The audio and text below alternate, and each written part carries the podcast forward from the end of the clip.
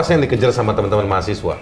Ya gini, mereka kan tiap hari nih mahasiswa tugasnya kerjaannya eh, masuk kelas, dengerin materi segala macam, Iya. dan se- sehari-harinya juga mereka mencerap berita yang mereka Iya. lihat di lingkungan sekitar kan. Iya. Kalau mereka kemudian lihat ada yang nggak sesuai dari yang apa yang mereka diajarkan oleh Hmm. dosen-dosen dengan lingkungan sekitarnya, Mereka mau panggil pihak luar, pihak ketiga. mereka ya otomatis alamiah ingin kita pengen tahu lebih banyak nih soal ini. Kenapa sih nggak sesuai gitu? Hmm. Sesederhana itu ya sebenarnya.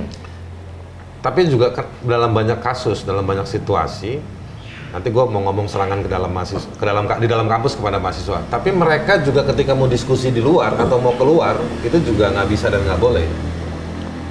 Kemarin itu eh, tahun lalu ya awal-awal Januari Maret omnibus law mulai digencarkan itu segala macam banyak diskusi di Intelin. Mahasiswa bikin di luar di kafe gitu di Intelin. Udah mulai ada ngiung- ngi- nino-nino di depan gitu kan udah pada standby.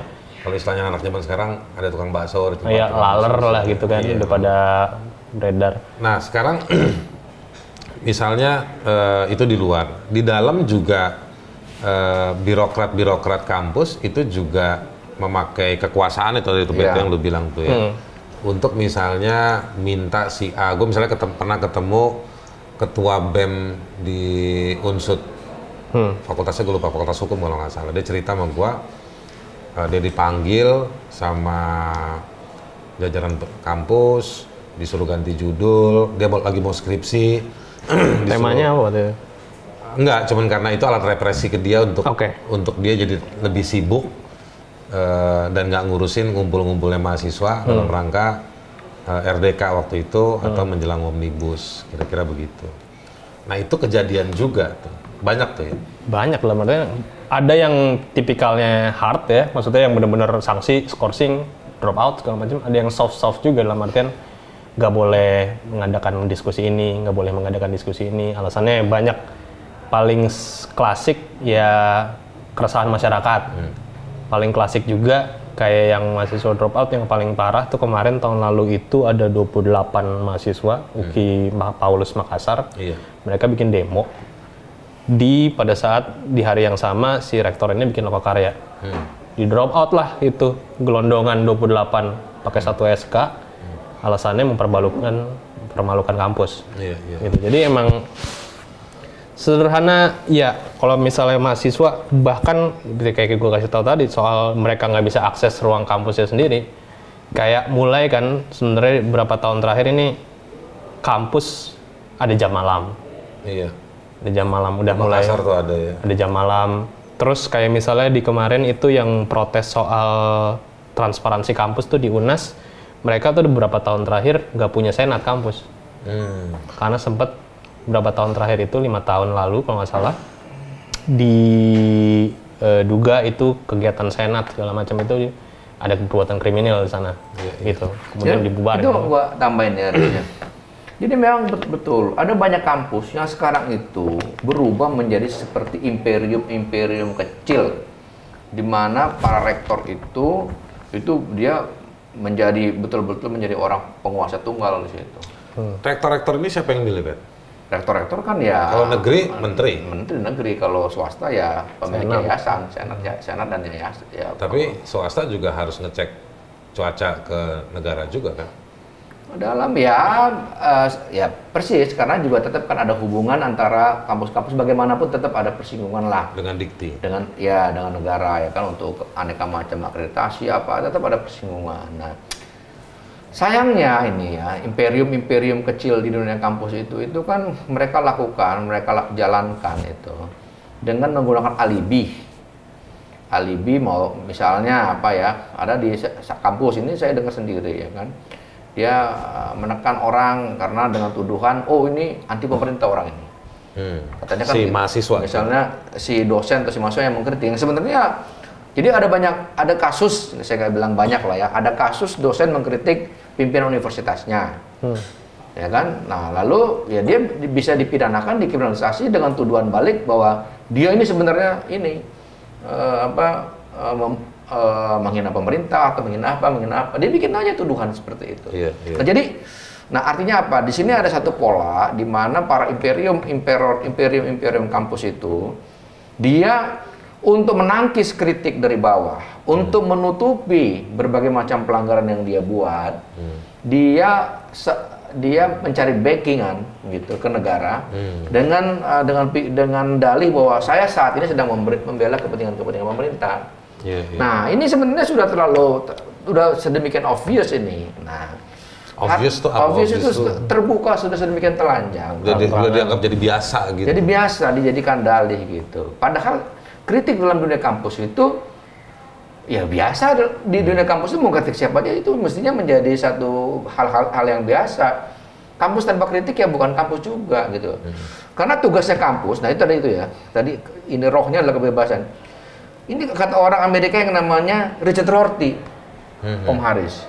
Dia bilang, namanya pendidikan itu kalau lu dari TK sampai SMA lu boleh nilai-nilai lu dididik untuk mematuhi nilai hmm. norma hmm.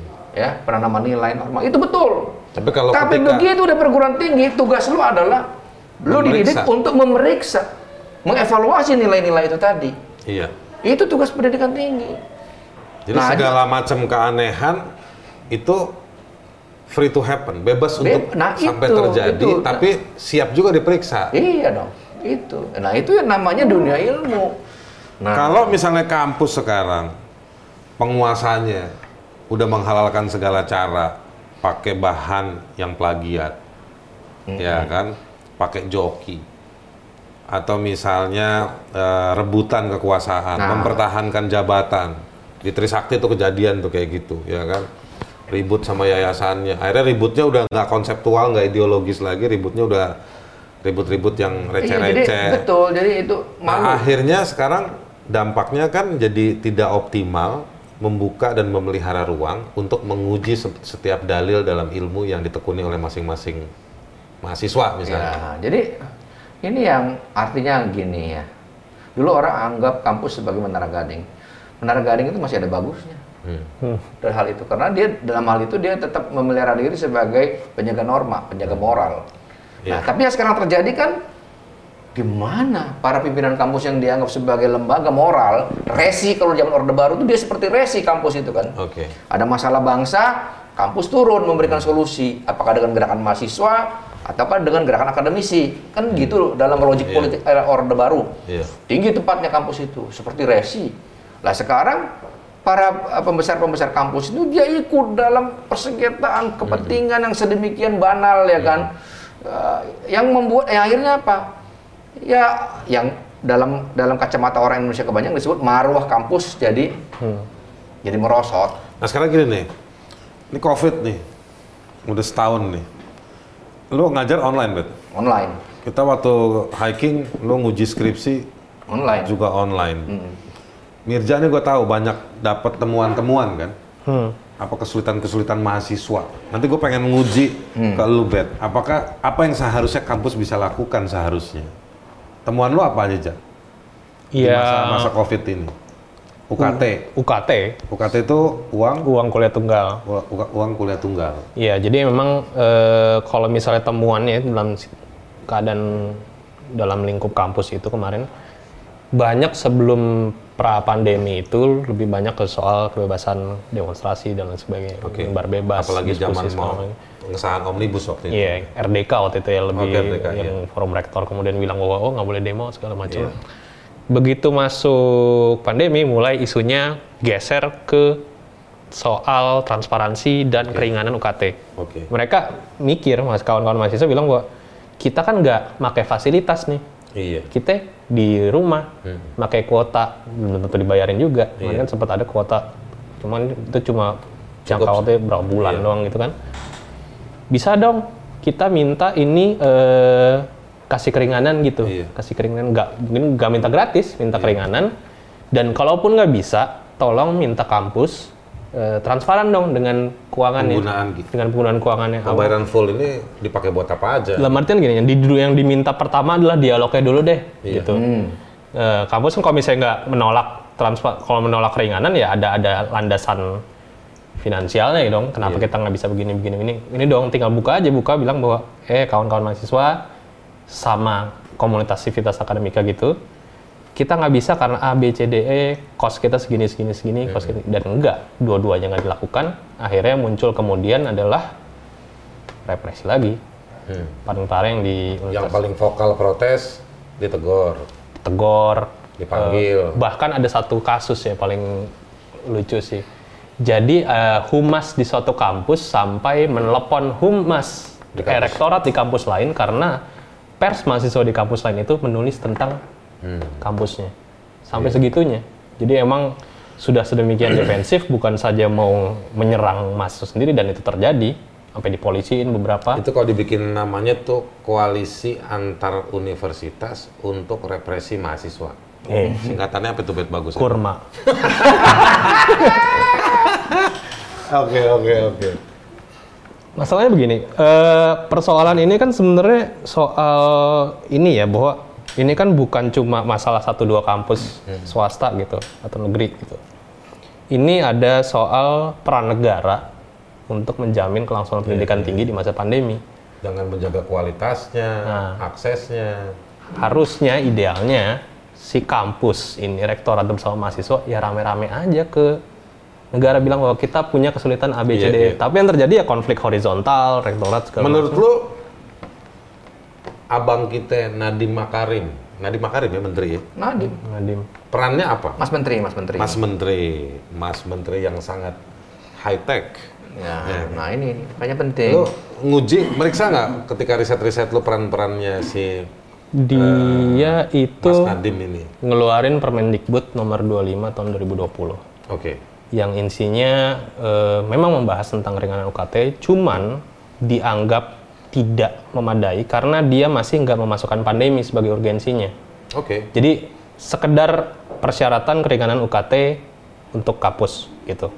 Cuma mekanisme pemberiannya lagi-lagi diberikan ke kampus sehingga banyak Yang kasus mana kampus juga nggak merasa tertekan untuk segera memberi keringanan kepada mahasiswa. yang terjadi malah orang minta keringanan kan bisa di UKT di negeri itu kan bertingkat ya satu dua tiga empat Iya. malah ada yang ngajuin keringanan malah dimahalin Ada ya? ada Kampus mana tuh? di UNES udah kayak gitu Oke. Yang rektornya bermasalah itu. yang Bu. rektor bermasalah yang kemarin eh, sempat ada satu mahasiswa namanya Franz Napitu juga di UNES juga ini Melaporkan dia KPK kan. laporin ke Oh KPK. iya betul.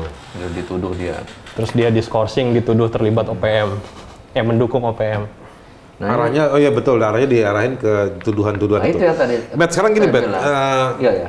waktu kita kan terbatas, jadi Kok bisa waktu terbatas? karena kita harus balik ke kampus. Asik, ya kan? Jadi gini, Bet. Ini ada nggak korelasinya menurunnya kualitas pejabat kampus dengan represi yang terjadi kepada para teman-teman mahasiswa? Gue sih jujur aja, gue mau belain mahasiswa dan gue mau belain kampus eh, sebagai ruang tadi yang lu bilang itu ruang kebebasan Loh, iya untuk dong. Kalau- menyampaikan dan menguji. Nah, sekarang pertanyaan gue gini, Sebelum pertanyaannya selesai, gue udah bisa jawab. nggak bisa. udah cerdas cermat Lu bikin YouTube sendiri sono. Jadi gini, Bet. Iya, iya, iya. iya. Eh, ini ada relasinya nggak? Kita jadi Iya. mau gue mau bilang begini, kita ini bukan sekedar gue nggak suka sama tuh rektor, bukan. Betul. Nah, tadi maka tadi gua- pagi-pagi gue bilang ini struktural sifatnya. Oke. Gitu. Jadi dia bukan personal nih, karena polanya kok di, di banyak kampus kayak begini nih. Iya. Berarti kalau kalau polanya sama, berarti ada pemicu yang sama, ada underlying mechanism yang sama yang membuat apa munculnya imperium-imperium kayak begitu, nggak terkontrol. Nah, nah biasanya ya dalam dunia pendidikan itu bukan cuma rektor, bro. sampai yang pendidikan terkecil guru ya. Hmm. Kalau guru kualitasnya rendah, kompetensinya buruk, Otomatis. nggak siap, otomatis ketika mengajar yang bawaannya represi. Kalau murid muridnya krit- kritis sama dia, Tampol. bu pak, kok ini gini gini pak, rewel kamu. Iya iya. Gitu dia. Kenapa? Karena dia nggak siap. Oke. Satu. Yang kedua, ya tadi itu kompetensinya kurang. Nah ini sampai ke atas juga begitu. Dosen juga begitu. Ya kan, dosen juga begitu. Kalau dia nggak siap, dosennya buruk. Kalau rektornya bermasalah, Nah, kalau dia- rektornya bermasalah, dia akan memilih jajarannya juga yang bisa melindungi, Betul, yang menutupi masalah-masalahnya. Dia, dia membuat berbagai macam mekanisme untuk melindungi kepentingan-kepentingan Curhat dia. pribadi nih, makanya gue nggak diangkat nggak diangkat jadi dosen tetap di Trisakti. Jangan. Karena dianggap gue nanti bisa membongkar Ya, itu- bobrok-bobroknya fakultas. pasti ada kayak begitu. Jadi Iya.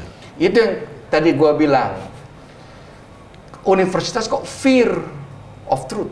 Iya, iya. Nggak iya. boleh. Padahal universitas itu harusnya orang urusan dengan truth dia terbuka. Iya. Nah itu berarti belum universitas. Dosen-dosen itu petinggi-petinggi di kampus itu mungkin nggak ada yang punya kaos no fear. lu, lu nggak punya kaos. Nah, tapi ini sebelum Ya, ya, sebelum oke, oke. penutup nih, tadi orang udah disinggung-singgung tentang Mas Menteri. Nah sebenarnya ini Lu kan pernah nulis lu di Tempo soal Pernah, pernah. Oke. Gua nulis tentang kebebasan Coba, coba, akademik. coba. Nah, Cerita di dulu, sini- cerita dikit dulu. Ya, de- de- eh, tadi, tadi itu ya. Beberapa hal udah gua sampaikan di sini. Nah, tapi poin gua begini. Ini betul-betul ya. Sekarang ini sebenarnya perguruan tinggi kita sedang dalam titik nadir. Hmm. Ya tadi itu ya. Memang dia dipicu ada apa dia lebih menjadi terbirokratisasi dan terpolitisasi pada saat yang sama juga oleh karena kebijakan baru yang eh, perkembangan baru dalam kebijakan yang membuat eh, di satu sisi ada bagus sih misalnya dosen dipaksa untuk menerbitkan jurnal di Scopus. Tapi kalau Scopusnya itu adalah satu rezim akademik yang berbayar, maka jadi kualitasnya juga rendah dan orang cenderung, bah, gue bayar aja deh, atau gue suruh aja deh siapa yang nulis deh, Iya. demi naik pangkat, demi kum, demi gue cepat jadi guru besar, ya kan? Iya. Nah akhirnya yang terjadi adalah ya involusi, sesuatu yang dimaksudkan untuk mengukur kinerja satu dosen, akhirnya dia berubah, dia menjadi sekedar alat yang bisa dipakai dan dibeli. Nah ini yang sekarang terjadi. Nah ini masalah di mejanya Mas Menteri sebenarnya. Dan ini Dia sebenarnya ambil peran nggak untuk Nah, saya masih uh, mau memberikan semacam uh, kesempatan dalam arti begini dan untuk mengatakan ini, ini adalah kesempatan dia untuk membereskan persoalan dalam pendidikan tinggi kita. Hmm. Ini di, di depan dia nih. Dia harus menunjukkan otoritas dia nih. Hmm. Gitu loh. Betul-betul dia harus tunjukin otoritas sebagai menteri pendidikan yang dan yang bukan hanya dia mengurusi atau meng, meng- mengkreasi persoalan-persoalan post pasca pendidikan COVID, kurikulum, tapi ada aspek-aspek yang Tapi dia nggak pernah hidup Nah itulah di dia harus kampus. dia harus berani untuk sedikit meletakkan dirinya dalam sedikit konflik berkontradiksi untuk membereskan masalah-masalah ini. Dan menurut lo di dalam kementeriannya dia kapasitas itu ada? Semestinya ada, masih ada lah or- orang di, di kampus itu misalnya eh, kan gini juga Nggak di ya. kantor kementeriannya untuk Di- menggodok ada, ada, ada, ada dan eh, gini ya. Karena beberapa teman mahasiswa coba datang berkomunikasi, ditutup, akhirnya malah jadi demonstrasi. Diaduin ke Komnas HAM kan? Nah, itu. Teman-teman eh, Makassar, Universitas apa? Ki Paulus. Uki Paulus, akhirnya ya. Nah, itu terlantar i- itu yang juga terjadi dalam kasus-kasus yang sebelum-sebelum itu. Ketika kementerian gagal atau terlambat mengambil sikap normatif untuk memproteksi ini, maka tadi itu imperium-imperium itu dia akan bekerja seperti mesin giling. Hmm, Ke bawah dia takkan habis. Oke. Gitu loh. Nah, ini ini pentingnya otoritas pendidikan ini untuk Agak ngurus. kacau ya situasi kampus-kampus iya, agak, agak pendidikan kacau. Nah, ini. ini ini dan ini ya ini akan sangat berpengaruh nanti di jangka depan itu pada kualitas perguruan tinggi perguruan tinggi kita loh, Oke, oke. gitu loh. Orang-orang sekalian, thank you buat Robert dan Mirja. Eh, kita bisa diskusi lebih panjang lagi dan saya mengusulkan agar kalian ngundang dua narasumber ini untuk eksplor lebih jauh. Robert, Robert juga bagian dari komunitas eh, kebebasan akademik bersama Kika. bersama sejumlah dosen-dosen di berbagai kampus dari Aceh sampai Papua atau dari Papua sampai ke Aceh. Uh, Mirja juga punya banyak terbitan-terbitan di Lokataru Foundation, lokataru.id ya. Kotor.id. Bisa teman-teman coba buka. Uh, ada risetnya Pak Robert juga di situ soal survei budaya HAM. Woi, canggih Kultur canggih HAM. nih. Kultur HAM. Kultur ya. HAM belum ada yang nulis itu di Indonesia. Nah ini saya cuma mau bilang begini, tontonan ini sangat berbahaya bagi orang tua yang anak-anaknya mau masuk kuliah. Sedih pasti nonton video ini, ya kan? Itu juga makanya saya mau rekomendasikan coba buat teman-teman di kampus-kampus coba cek ada nggak teman kalian yang anaknya pejabat? Karena gue dengar bet pejabat-pejabat justru ngirim anaknya kuliah di luar negeri. Mungkin karena mereka juga tahu kali ya bahwa kampus kita kondisinya kayak begini. Mungkin kira-kira begitu. Nggak tahu itu penutup atau bukan, tapi yang pasti ini udah jelang maghrib ketika video ini diambil. Jadi kita harus berakhir. Kita akan jumpa lagi di Ngehamtam berikutnya. Thank you, Bet. Kasih saya kesempatan untuk lebih serius dengan akun YouTube Haris Ashar Channel. Komunitas Cendol Production membantu saya untuk memproduksi, ya kan? Supaya tiap dua hari bisa ada video baru. Saya tidak akan respon setiap saat komentar yang ada di setiap video. Tapi saya akan banyak belajar dan tetap mencoba merespon pada kurun waktu tertentu semua komentar-komentar yang muncul di tiap video. Jadi jangan takut untuk berkomentar karena itu milik kita untuk saling bertukar informasi dan saling mengapresiasi.